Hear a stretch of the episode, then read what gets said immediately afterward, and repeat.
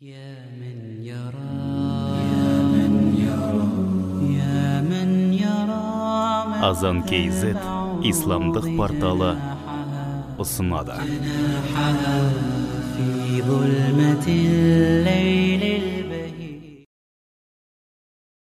أعوذ بالله من الشيطان الرجيم بسم الله الرحمن الرحيم الحمد لله رب العالمين والصلاة والسلام على نبينا محمد وعلى آله وأصحابه أجمعين. رب اشرح لي صدري ويسر لي أمري واحلل عقدة من لساني يفقه قولي.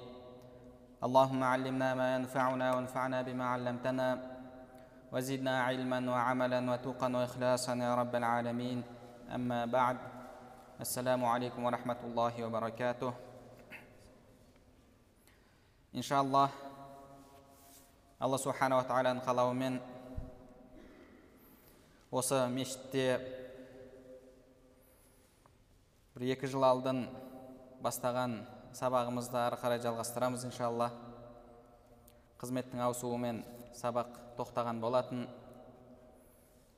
Біз сол кезде өткен сабақтардың жиырма шақтысы сайт беттерінде яғни өзіміздің орталық мешіттің сайтында жарияланған болатын. Және одан басқа да бір алпыс шақты сабақ жазылған еді. Бірақ запистің нашарлығына байланысты сол сайтта жарияланған сабақтардан ары қарай жалғастырып кезінде мешітте өткен бірнеше сабақтарды иншалла қайталап арабтар айтпақшы қайталауда пайда бар. Сонымен ары қарай жалғастыратын боламыз. Біздің дәрістеріміз тазкиятун нуфус яғни нәпсіні тәрбиелеу тақырыбында болатын. Жалпы дініміз үш, бөл, үш бөліктен тұрады. Иман ислам ихсан. Бұны бізге пайғамбарымыз саллаллаху алейхи уассалам өзінің хадисінде жеткізген болатын. Иман адамның сенімін қарастыратын бөлім. Және иманға қатысты бізде ақида білімі пайда болды. Ислам бұл адамның амалын қарастыратын дініміздегі бөлім. Және иман, исламға қатысты бізде шариғат яғни фих білімі пайда болды. Үшінші діннің бөлігі бұл ихсан ихсан ислам мен иманды байланыстыратын адамның ішкі жан дүниесін тәрбиелейтін бөлім пайғамбарымыз саллаллаху алейхи уасаламнан ихсан не деп сұралған кезде пайғамбарымыз саллаллаху алейхи уасалам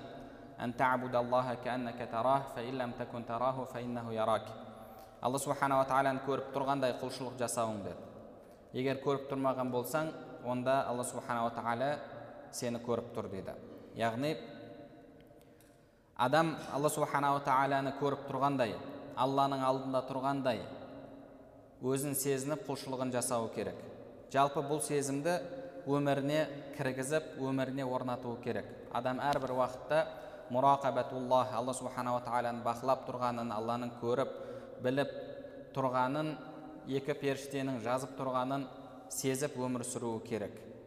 Бұл құлшылықта да құлшылықтан басқа уақытта да. Егер көріп тұрмаған болсаң яғни көріп тұрғандай құлшылық жасай алмасаң ол деңгейге жете алмасаң онда алла субханала тағала сені көріп тұр дейді яғни осы деңгейде құлшылығымызды жасауымыз керек осы деңгейде өмір сүруіміз керек. Ғұламаларымыз бұл хадистегі осы сөзді ихсанның екі деңгейі деп қарастырады біріншісі алла субханала тағаланың алдында тұрғандай адамның өзін сезінуі егер ол деңгейге жете алмадың ба онда алла субханала тағала мені көріп тұр деген деңгейде өмір сүру оны мысалмен түсіндіретін болсақ бір адам патшаның қабылдауында болады патшаның тікелей қабылдауында болады алдында отырады. Ол кезде адам өзін қандай сезінеді? Яғни президенттің елбасының алдына кірді. Оның алдына кірген кезде ол өзін қалай сезінеді? Артық бір ауыз сөз сөйлемейді сөзінде қателеспеуге тырысады. Патшаның сөйлеп жатқан сөзін жіберіп алмауға түсінбей қалмауға барынша тырысады. Және жан жағына жалтақтамайды. Яғни оның ойынан сезімінен мен патшаның алдында отырмын патшаны көріп тұрмын патша мені көріп тұр алдымда тұр деген сезім бір сәтке де кетпейді. Бұл бір деңгей. Егер адам бұл деңгейге жете алмаса онда екінші, екінші деңгей фаиннаху ярак алла субханала тағала сені көріп тұр алла мені көріп тұр деген деңгей. Бұл адамның мысалы тікелей патшаның қабылдауында болмайды бірақ бір бөлмеде отырады. Бір адам келіп міне мына видеокамераны көріп тұрсың ба? Иә. Осы видеокамерадан сені қазір патша бақылап отыр. Патшаның алдындағы экраннан осы бөлме көрініп тұр қазір сені көріп тұр дейді бұл адам өзін қалай сезінеді? Тікелей патшаның қабылдауында тікелей алдында отырған адам секілді сезінбейді әлбетте. Бірақ сонда да отырысында жинақы болып артық сөз сөйлеместен мұрнын шұқымастан мысалы басын қасымастан яғни ешқандай артық іс жасамастан артық сөз сөйлеместен отырады. Неге себебі? Патша мені көріп тұр патша мені бақылап тұр деген ода қазір басында түсінік тұр. Адам да тура сондай. Ең бірінші алла субханала тағала мені көріп тұр деген алланың алдында тұрмын деген деңгейде өмір сүру керек құлшылығын жасау керек. Ол деңгейге жете алмаса онда алла субханала тағала мені көріп тұр алла мені бақылап тұр деген деңгейде өмір сүруі керек бұл ихсан ихсанға қатысты тазкиятун нуфус айлму сулук айлмул ихсан айлму тасауф деген білім пайда болды яғни сулук білімі деді ғұламаларымыз оны ихсан білімі деді нәпсіні тәрбиелеу білімі деді егер, егер тікелей құрандағы атауына қайтатын болсақ құрандағы тікелей атауы тазкия яғни тазалау нәпсіні тазалау. Құранда алла субханала тағала ибраһим алейхисаламның дұғасын келтіреді. Ибраһим алейхисалам дұға жасап раббана фихим расула ей раббым оларға пайғамбар жібер ятлу алейхим аятик ол пайғамбар сенің аяттарыңды оларға оқиды және оларды тазартады дейді құранда басқа аятта кім өзінің нәпсісін тазаласа тәрбиелесе ол адам құтылушылардан болды. Кім нәпсісін кірлететін болса құрдымға кетушілерден болды дейді. Кімде кім тазаратын болса ол адам құтылушылардан болды дейді. Яғни бізде ақида біліміне қатысты иманға қатысты ақида білім пайда болды. Пайғамбарымыз саллаллаху алейхи уассаламға ислам не деген сұраққа байланысты шариғат фиқ білімі пайда болды және ихсан не деген сұраққа қатысты тазкият нуфус айлму сулук айлмул ихсан айлму тасауф деген осындай атауларды алған білім пайда болды. Бұл білім адамның ішкі жан дүниесімен айналысады ішкі жан дүниесін тәрбиелеумен айналысады.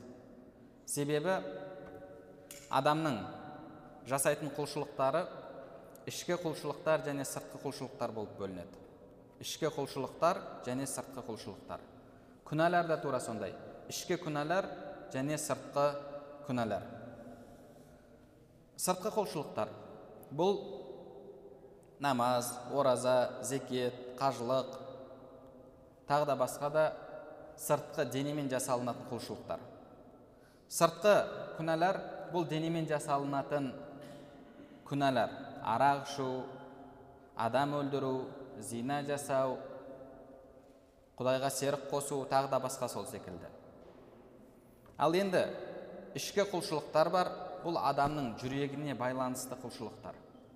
Адамның жүрегінде сол құлшылықтар болуы керек және адамның жүрегінде жүрекке байланысты күнәлар болмауы керек. Құранда алла субханала тағала күнәнің ішкісін де және сыртқысын да тастаңдар деді. Ішкі күнәларды және сыртқы күнәларды тастаңдар деді сыртқы күнәлар барлығымызға белгілі денемен жасалынатын күнәлар ал ішкі күнәлар бұл адамның жүрегіне байланысты күнәлар яғни адамның жүрегінде хасад болатын болса көре алмаушылық адамның жүрегінде рия болатын болса адамның жүрегінде мұсылмандарды жек көру болатын болса адамның жүрегінде тәкаппарлық болатын болса адамның жүрегінде тағы да осындай басқа да жаман қасиеттер болатын болса бұл адамның жүрегі күнәһар жүрек. Бұл адамның ішкі жан дүниесі күнәға толы. Адам осы күнәлардан арылу керек және ішкі құлшылықтарды жасау керек. Жүректің құлшылықтары. Жүректе тәухидтің болуы жүректе ықыластың болуы жүректе қанағаттың болуы жүректе кішіпейілділіктің болуы жүректе мұсылмандарға деген насихат сезімі яғни жақсылықты қалау сезімі болуы керек. Бұл жүректің құлшылықтары. Егер адамның жүрегіндегі құлшылықтар толық орындалатын болса және жүрек күнәлары шығатын болса бұл жүрек пайғамбарымыз саллаллаху алейхи уасалам хадисінде келтірген сау жүрек болады. Пайғамбарымыз саллаллаху алейхи уасалам адамның денесінде бір кесек ет бар. Егер сол бұзылса дене бұзылады ол түзелсе дене түзеледі деді. Ол жүрек деді. Жүректің түзелуі басқа ағзаларға әсер етеді. Жүректің ауру болуы басқа ағзаларға әсер етеді. Адамның жүрегінде мысалы адамдардың арасында авторитетті жақсы көру деген ауру пайда болатын болса ол рияға көшеді. Жүрегінде ауру пайда болды адамдар мені құрметтесін адамдардың арасында атақты болайын. Адамдар мен жайында білімді десін анау десін мынау десін мені тақуа десін деген секілді. Атақ іздеу дерті пайда болған кезде оның сыртқы амалдары рия ниетімен жасалынатын болады. Яғни адамның ішкі сезімі ішкі күнәлары сыртқы күнәларға алып барады. Сол үшін де пайғамбарымыз саллаллаху алейхи вассалам жүрек бұзылса дене бұзылады деді. Жүрек түзелсе дене түзеледі бұл жердегі жүректің бұзылуы кардиологқа барып анализ жасап қан тапсырып узиге түсумен белгілі болатын жүрек дерттері емес. Бұл жүректің бұзылуы бұл шариғат таразысына салып шариғат өзейімен тексеріп сол арқылы білуге болатын дерттер. Ол адам спортпен айналысуы мүмкін. Әлгі жүрегі бұзылған адам. Ол адамның денсаулығы мықты болуы мүмкін. Бірақ шариғат таразысында оның жүрегі өлі жүрек оның жүрегі қара жүрек. Пайғамбарымыз саллаллаху алейхи уассалам хадисінде айтқандай. Адам бір күнә істейтін болса жүрегіне бір қара дақ түседі. Тағы қайталайтын болса тағы басқа күнә істесе жүрегіне тағы қара дақ түседі тағы қара дақ түседі. Сөйтіп соңында жүрек қап қара жүрекке айналады қап қара жүрекке айналады соңында ол жүрек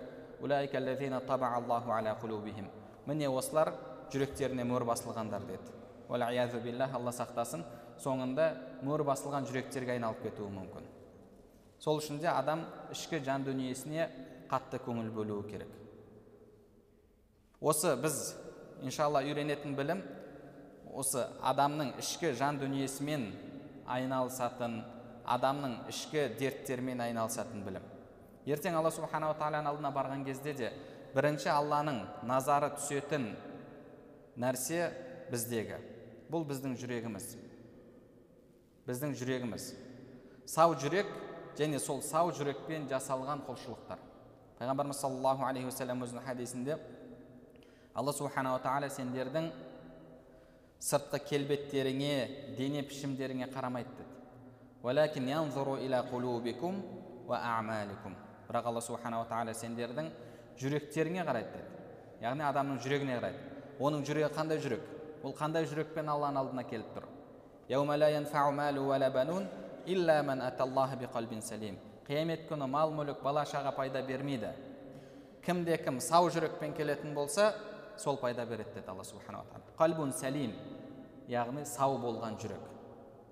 Біз сол сау болған жүректі іздеуіміз керек. Жүректерімізді әлгі жүректің күнәларынан жүректің дерттерінен айықтырып пайғамбарымыз саллаллаху алейхи уассалам айтқан алла субханала тағала құран кәрімде қалбун сәлим сау жүрек деген жүрекке ие болуымыз керек. Алла субханала тағаланың алдына барған кезде ең бірінші алла субханала тағаланың назары түсетін жер ол біздің жүректеріміз. Жүректеріміз қандай? Күнәға толы ма? Немесе сол жүректің құлшылықтарын орындады ма орындамады ма? Осыған бірінші қияметте қаралады. Алла субханала тағаланың бірінші біздегі, біздегі назар түсетін жер алланың назар түсетін жер бұл біздің жүректеріміз.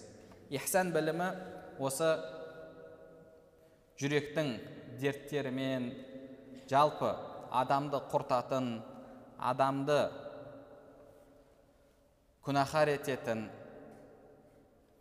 адамның нәпсісін бұзатын істермен айналысады соны зерттейді және адамның жүрегін түзетуге адамды үйрететін білім. Иншалла біз осы пән бойынша осы сала бойынша сабақтарымызды өтетін боламыз. Біз алдыңғы өткен сабақтарда және сайт беттерінде жарияланған сабақтарда ибадат құлшылықтың ішкі мағыналарына тоқталған едік. Ибадат құлшылықтардың ішкі мағыналары ішкі сырлары. Адам құлшылық жасаған кезде қандай сезімде болуы керек? Намазы хушуапен оқылған намаз болуы үшін қандай сезімде болуы керек алла субханала тағала құран кәрімде намаз оқитын мүминдер құтылады деді бірақ ол намаздың белгілі сипаты бар ол жай намаз емес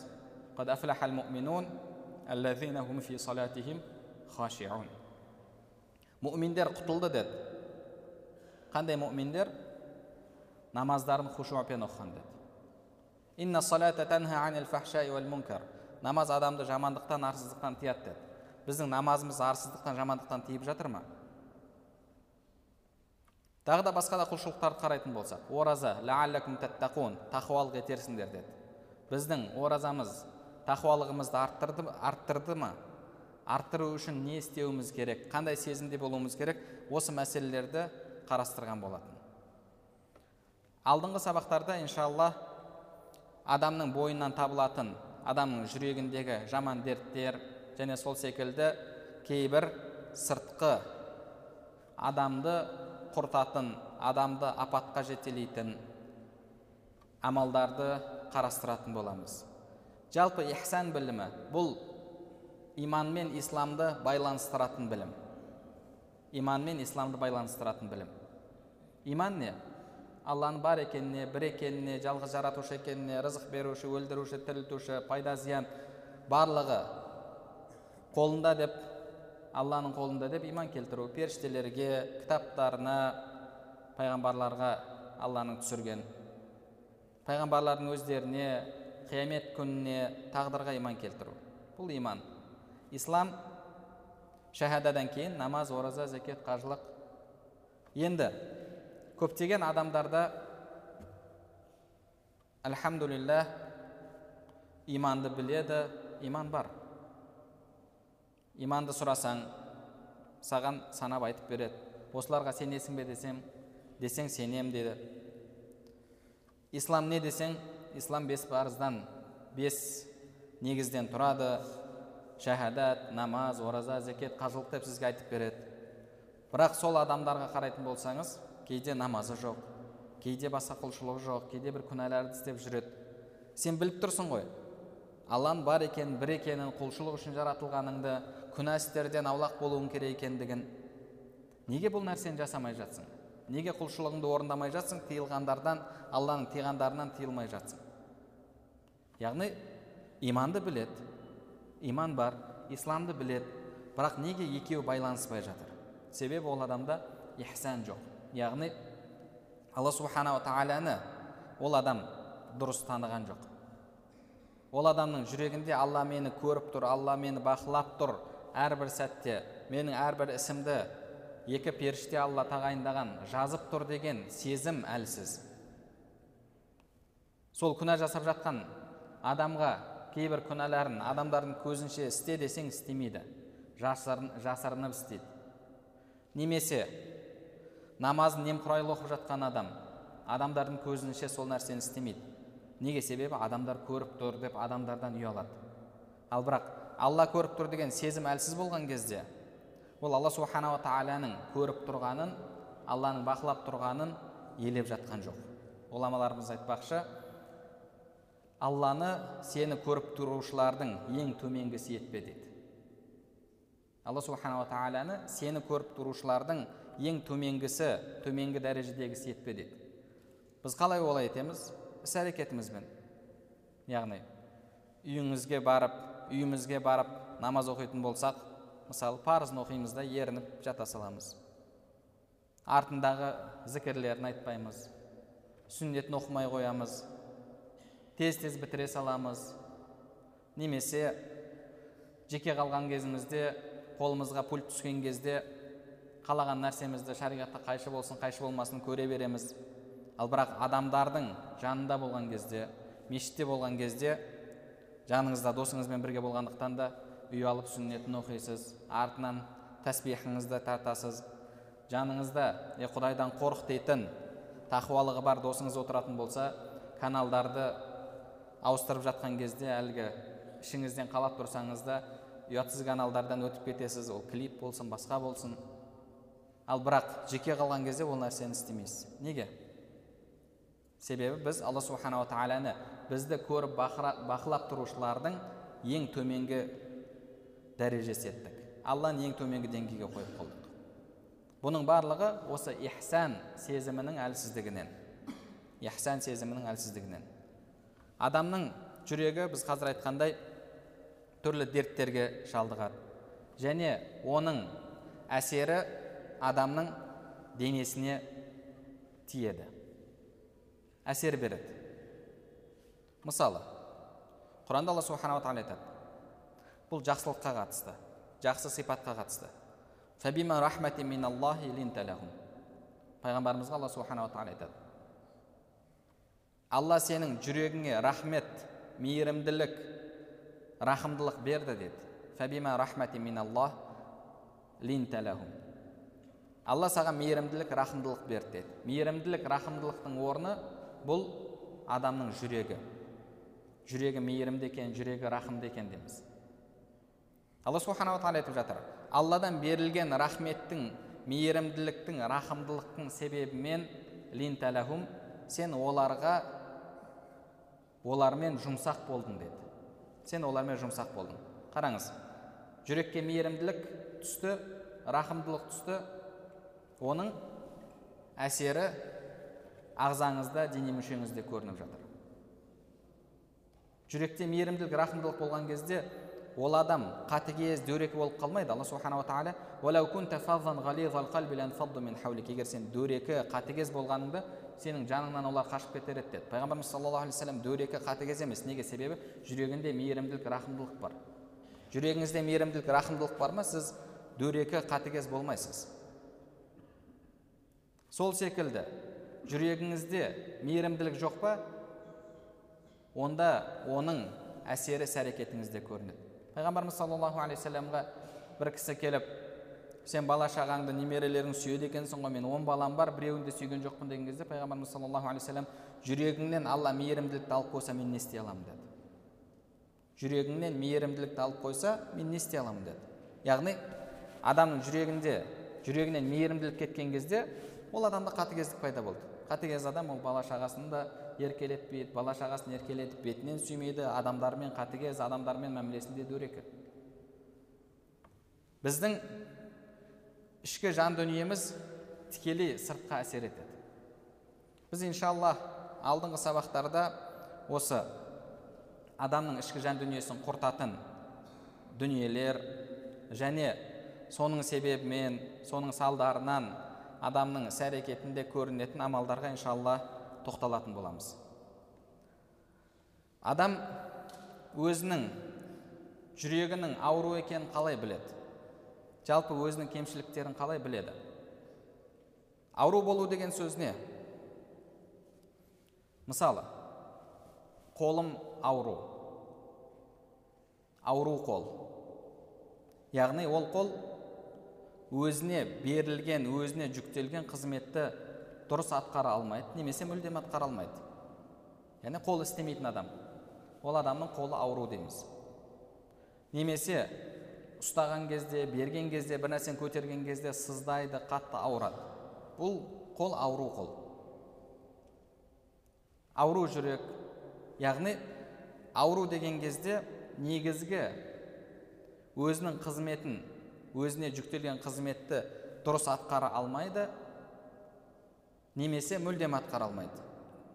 Осыны біз ауру дейміз. Яғни ауру жүрек деген кезде ауру жүрек өзіне жүктелген міндеттерді атқармайды түгелдей атқармайды немесе жартылай атқармайды. Осы жүрек ауру жүрек. Адамның жүрегінің негізгі міндеті бұл жүрегіне лә иляха иллалла мұхаммад расулалланы орнату лә иляха иллалла мұхаммад расулалла орнады ма одан ары қарай тарайтын одан туындайтын нәрселер бар туындайтын дүниелер бар адам лә иляха иллалла мұхаммад расулалла деді ма ол үшін алла алланың елшісі алланың діні ең артық тұрған дүниелер болуы керек яғни алланы алланың бұйрығын алланың елшісін оның бұйрықтарын дінді барлық нәрседен жоғары қоюы керек. Және сол бойынша өмір сүру керек. Осы жүрек саламатта амандықта болған жүрек болады. Ал егер ля иляха иллалла мұхаммад расулалла біз үшін негізгі маңызды дүние болмады ма онда ол жүрек ауру жүрек. Құранда алла субханала тағала айтады. Айт ей мұхаммад инкана абаукум егер сендердің әкелерің уа абнаукум бала шағаларың уа ихуанукум бауыр туыстарың уа азуажукум әйелдерің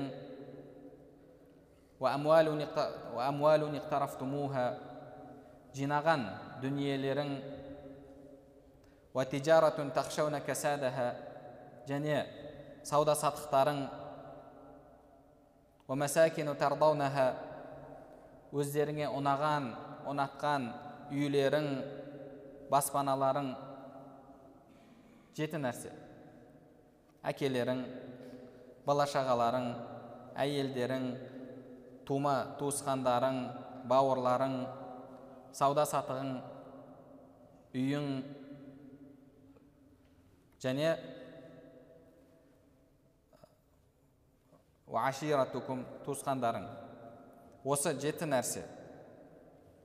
Үш нәрседен артық болатын болса алла субхана тағала айтады ахабба илейкум миналлахи ва расулихи ва джихадин фи сабили алладан алланың елшісінен және алла жолындағы күрестен артық болатын болса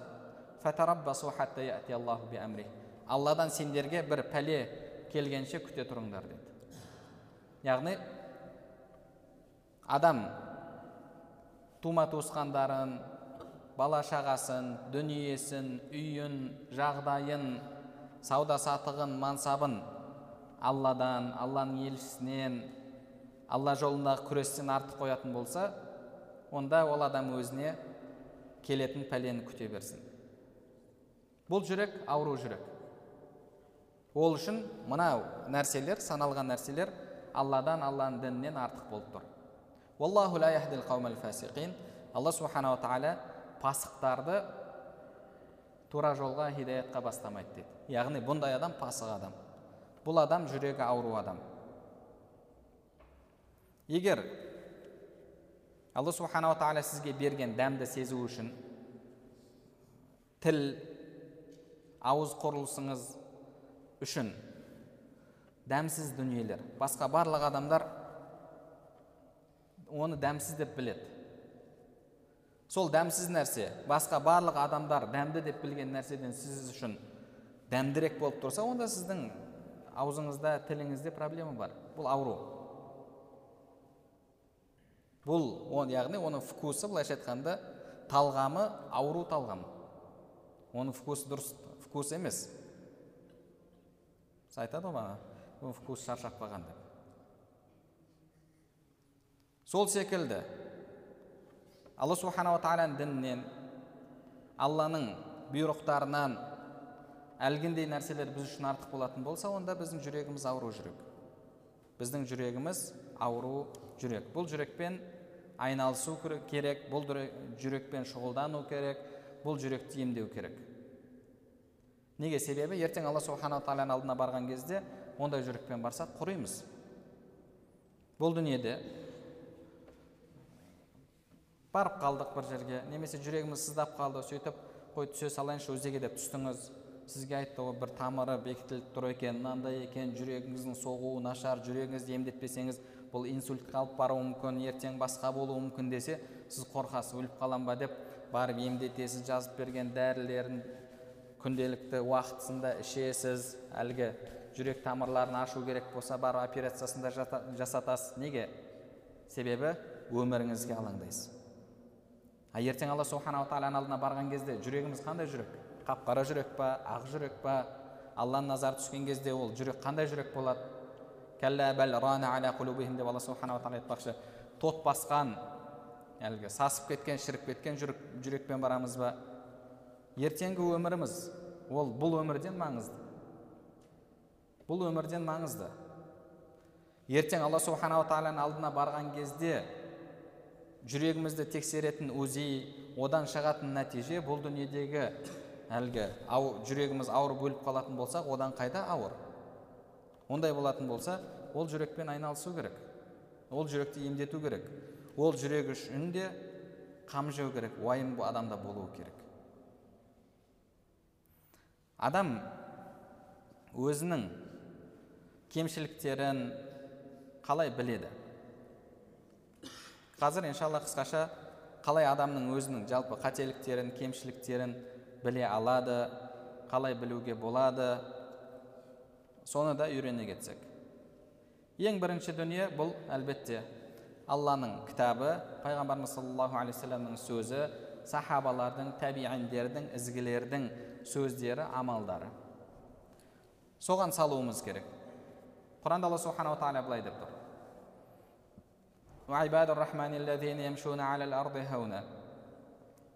Шынайы рахманның құлдары жер бетінде кішіпейілділікпен жүреді надандар дөрекілер оларға келіп дөрекілік жасап жатса олар жылы түрде жұмсақ түрде ассаламу алейкум аллаға сенде алланың сендерге сәлемі болсын амандығы болсын деп бұрылып кете береді деді яғни бұл таразы жер бетінде кішіпейілділікпен жүреді ондай болатын болса кішіпейілдік бізде болуы керек кішіпейілділік дегеніміз не пайғамбарымыз саллаллаху алейхи уассалам хадисінде адамның жүрегінде шаңның тозаңындай тәкаппарлық болатын болса ол жәннатқа кірмейді деді ондай болатын болса тәкаппарлық жаман сипат тәкаппарлықтан арылу керек тәкаппарлық дегеніміз не оның қандай көріністері бар сахабалар не деді тәбииндер не деді олардың істері қандай? Яғни осы таразыға салып бірінші өзіміздің кемшіліктерімізді қателіктерімізді білуімізге болады. Бұл ең бірінші жолы. Екінші жолы алладан қорқатын тақуа ізгі ұстаз табу. Ізгі ұстаз табу. Бұндай ұстаздарды дінімізде шайхут тәрбия деді ғұламаларды жалпы білім беретін адамдарды екіге бөлуге болады шайхут таалим тәрбия шайхут таалим bila тәрбия яғни білім беретін және тәрбие беретін шайх және білім беретін тәрбие бермейтін шайх тәрбие бермейтін шайх қандай яғни сіз онымен жүрмейсіз онымен араласпайсыз оның іс әрекетінен бір нәрсе үйрене алмайсыз ол сізге былай істе былай істе деп бір кемшіліктеріңізді айтпайды. Одан сіз тек қана білім аласыз. Университетте отырасыз алдыңызға келеді де фихтан сабақ береді ақидадан сабақ береді хадистен сабақ береді де шығып кетеді. Онымен араларыңызда байланыс жоқ. Бұны шайхут таалим деді яғни тағылым шайхы. Таалим тағылым беретін шайх. Онымен араларыңызда артынан еріп жүру бірге жүру мұсахаба яғни сұхбат деген нәрсе жоқ. Құранда алла субханала тағала мұса алейхисаламның сөзін келтірді. Хыдыр алейхисаламға айтты.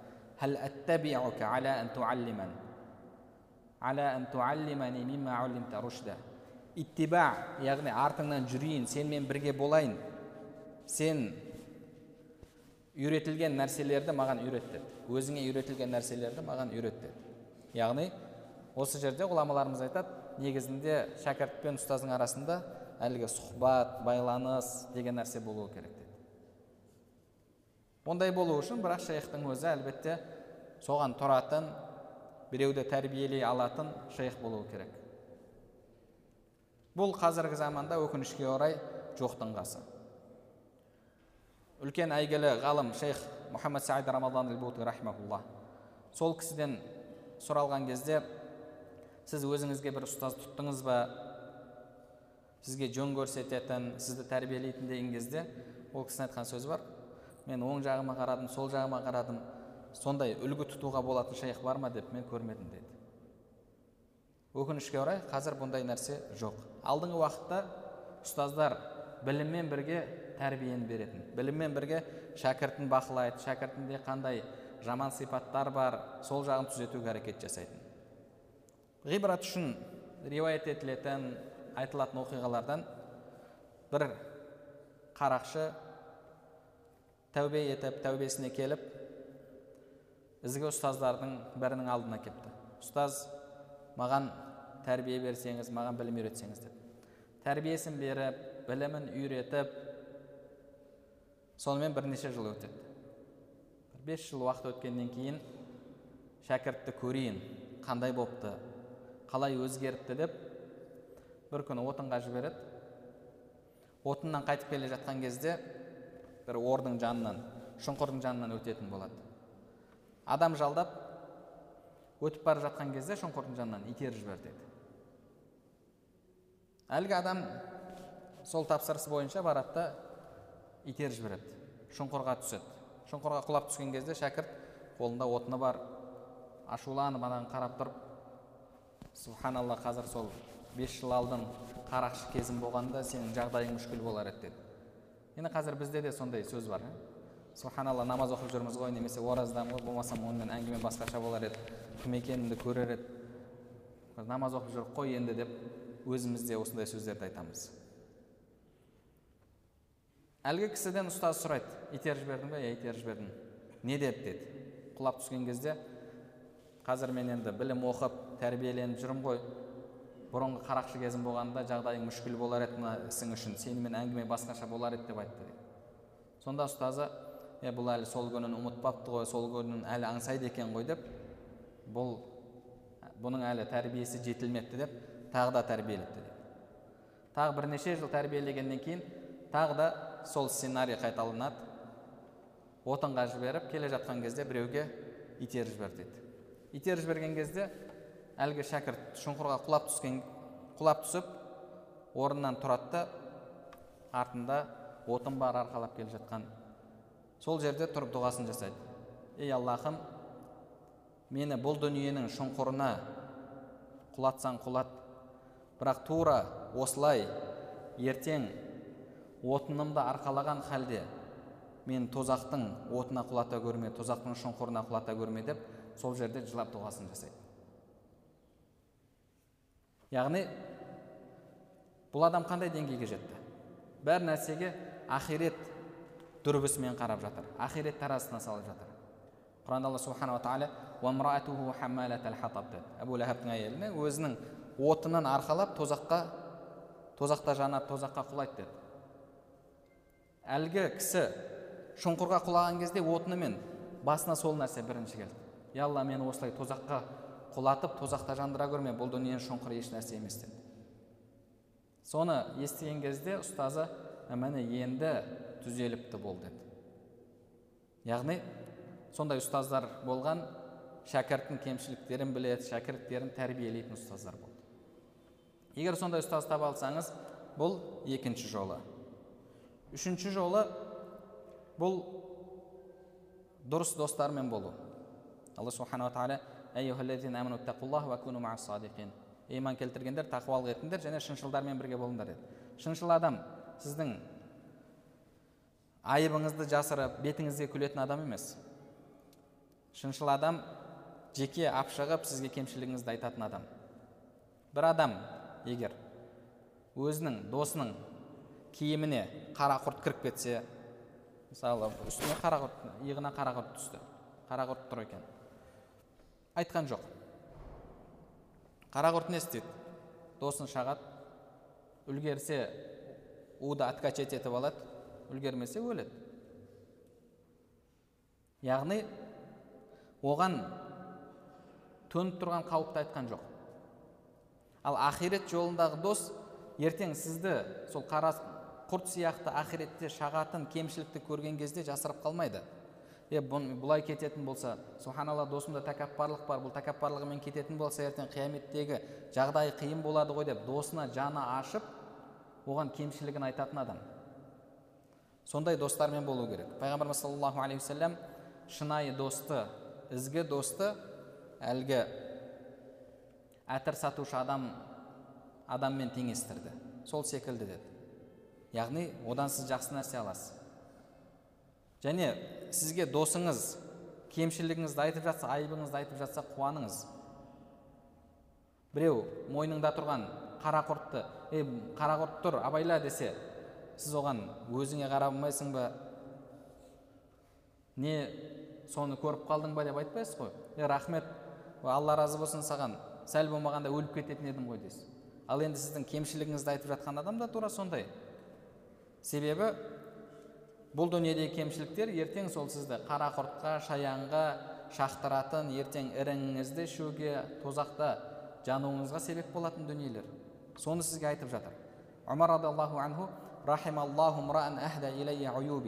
алла рахмет етсін маған кемшілігімді сыйға тартқан адамды деп дұға жасайтын болған сый деп біліп жатыр оны. Сый деп. Неге? Себебі құртатын нәрсе жайында хабар беріп жатыр. Үлкен тақуа ізгі кісілерден дәуд ат таи рахимахулла адамдармен көп араласпайды екен. Неге араласпайсың деген кезде субханалла менен айыбымды жасыратын адамдармен араласудың қажеті не? дейді.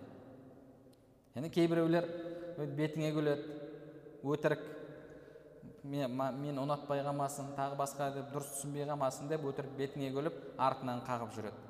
Немесе екінші бір достар бар араласатын іштей көре алмайды. Сол үшін сендегі кемшілікті көріп тұрған кезде оны айтпайды. Осылай жүре берсін осылай жүргені жақсы оның түзелгенінен дейді. Е, бұндай достарда хайыр жоқ. Хайыр қандай доста бар? Бауырым сенде мынандай нәрсе бар өткенде былай деп қалдың мына жерде былай ғой деген секілді жеке апшығып сізге қатеңізді түсіндіретін адам.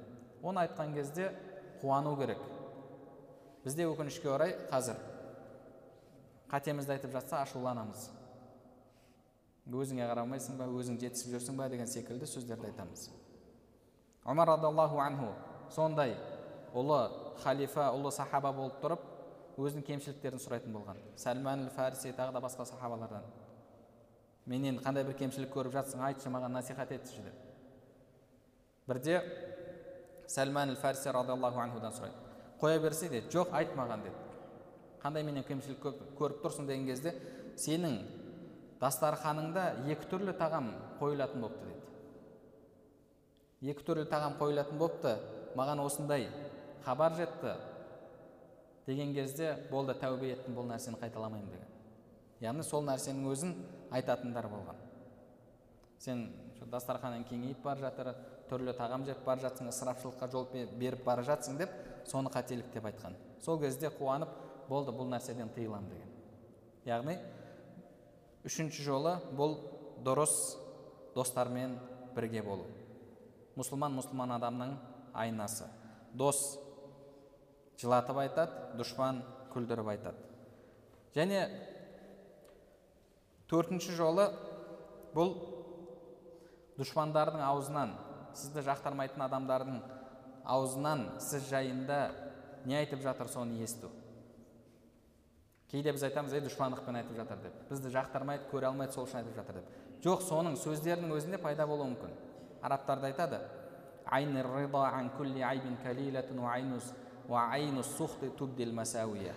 Разы болған көз дейді кез келген айыпты көрмейді соқыр дейді. Ешқандай айыпты көрмейді соқыр деді разы болған көз.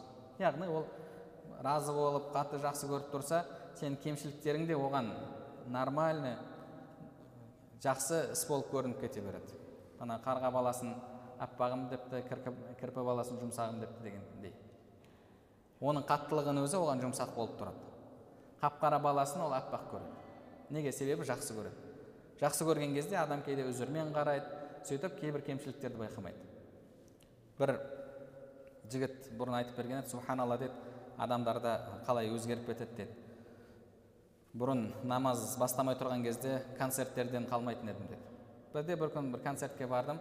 Концертке келген ән айтатын жігіт суықтап қалған ба сөйлейді әрбір сөйлеген сайын деп бағанағы мұрнын тарта береді деді.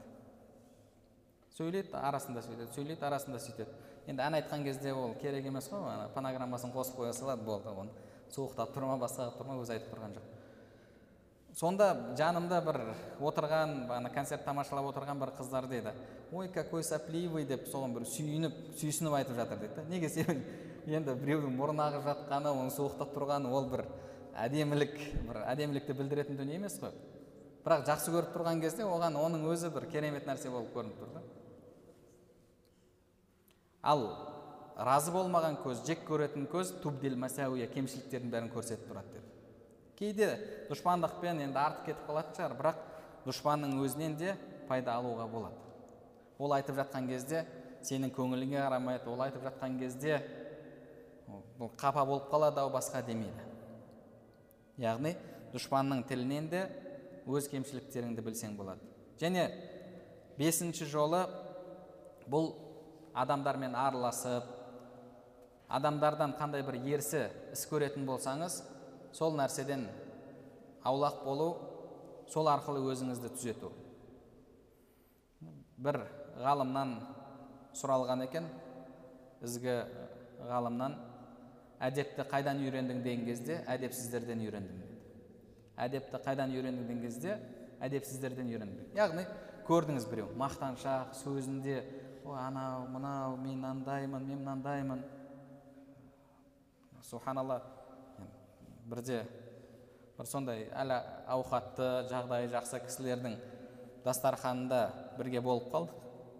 Араларында әңгімелерін көрсең ішің ауырады былайша айтқанда. Мен балам 18-ге толып еді 018 деген оған бх сыйладым дейді анаусымен үйттім мынаусы бүйттім бір дүниелерін мақтану сөздерін қарасаңыз яғни бір біріне риягершілік жасап жатқан сол нәрселерді көрсеңіз бір адамдардан сондай нәрселерді көрсеңіз ерсі іс әрекетті көрсеңіз е менде сол нәрсе бар ма? Мынау сырт жақтан қарағанда ерсі көрініп тұр. Менде де мүмкін сол нәрсе бар шығар деп бір адамдардан теріс іс қылық көріп жатсаңыз өзіңізге де қарасаңыз болады.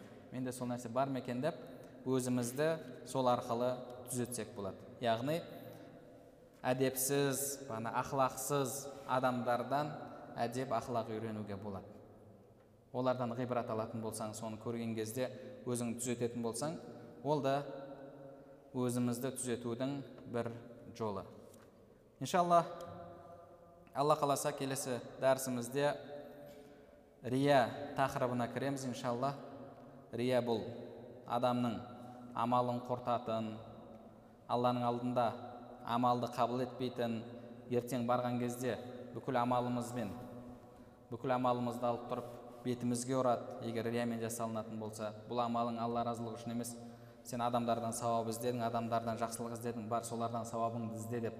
Яғни амалымыздың күйіп кетуіне себеп болатын үлкен дерт иншалла сол рия тақырыбын қарастыратын боламыз. Бірақ риядан алдын бірінші сол рияға себеп болатын дерт әлгі атақ құмарлық. Адамдардың арасында авторитетный болуды қалау. Сондай дерт бар. Жұлдыз болғысы келетін.